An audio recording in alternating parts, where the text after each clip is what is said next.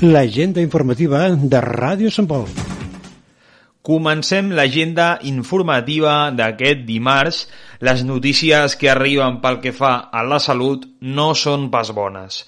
Els hospitals de, del Maresme i la Selva sumen 85 pacients ingressats a causa de la Covid-19.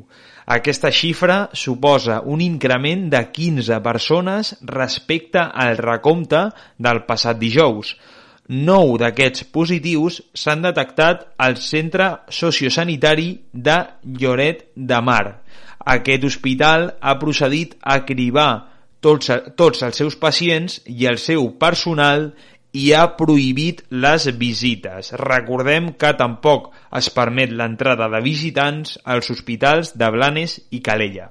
Davant el constant increment de casos de coronavirus, la Generalitat ha implantat noves mesures per prevenir contagis.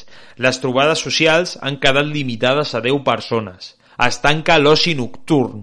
Es redueix al 50% l'aforament de la restauració en interior i al 70% en el comerç, l'esport federat, els gimnasos i la cultura.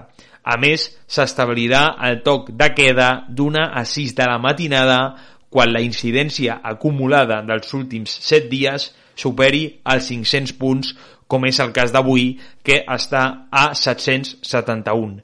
Aquestes mesures entraran en vigor la nit de dijous a divendres.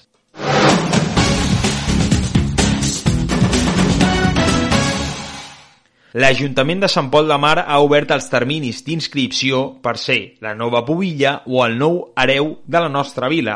Els nois i noies que vulguin presentar la seva candidatura han d'enviar el seu currículum i la seva carta de motivació al correu cultura arroba cultura arroba la data límit per inscriure's és el 4 de gener. D'altra banda, Sant Pol de Mar compta amb dues noves rutes de senderisme.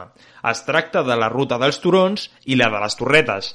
Amb dues tenen el seu inici al casc urbà i una s'enfila cap a Sant Cebrià i l'altra cap a Calella. L'Ajuntament ha fet realitat aquest projecte després que fos una de les propostes guanyadores de la primera edició del pressupost participatiu. Nosaltres posem punt final a l'agenda informativa d'avui, ens acomiadem l'equip de Ràdio Sant Pol i un servidor que us parla, César Santos. Que tinguin un bon dia. Fins aquí l'agenda informativa de Ràdio Sant Pol.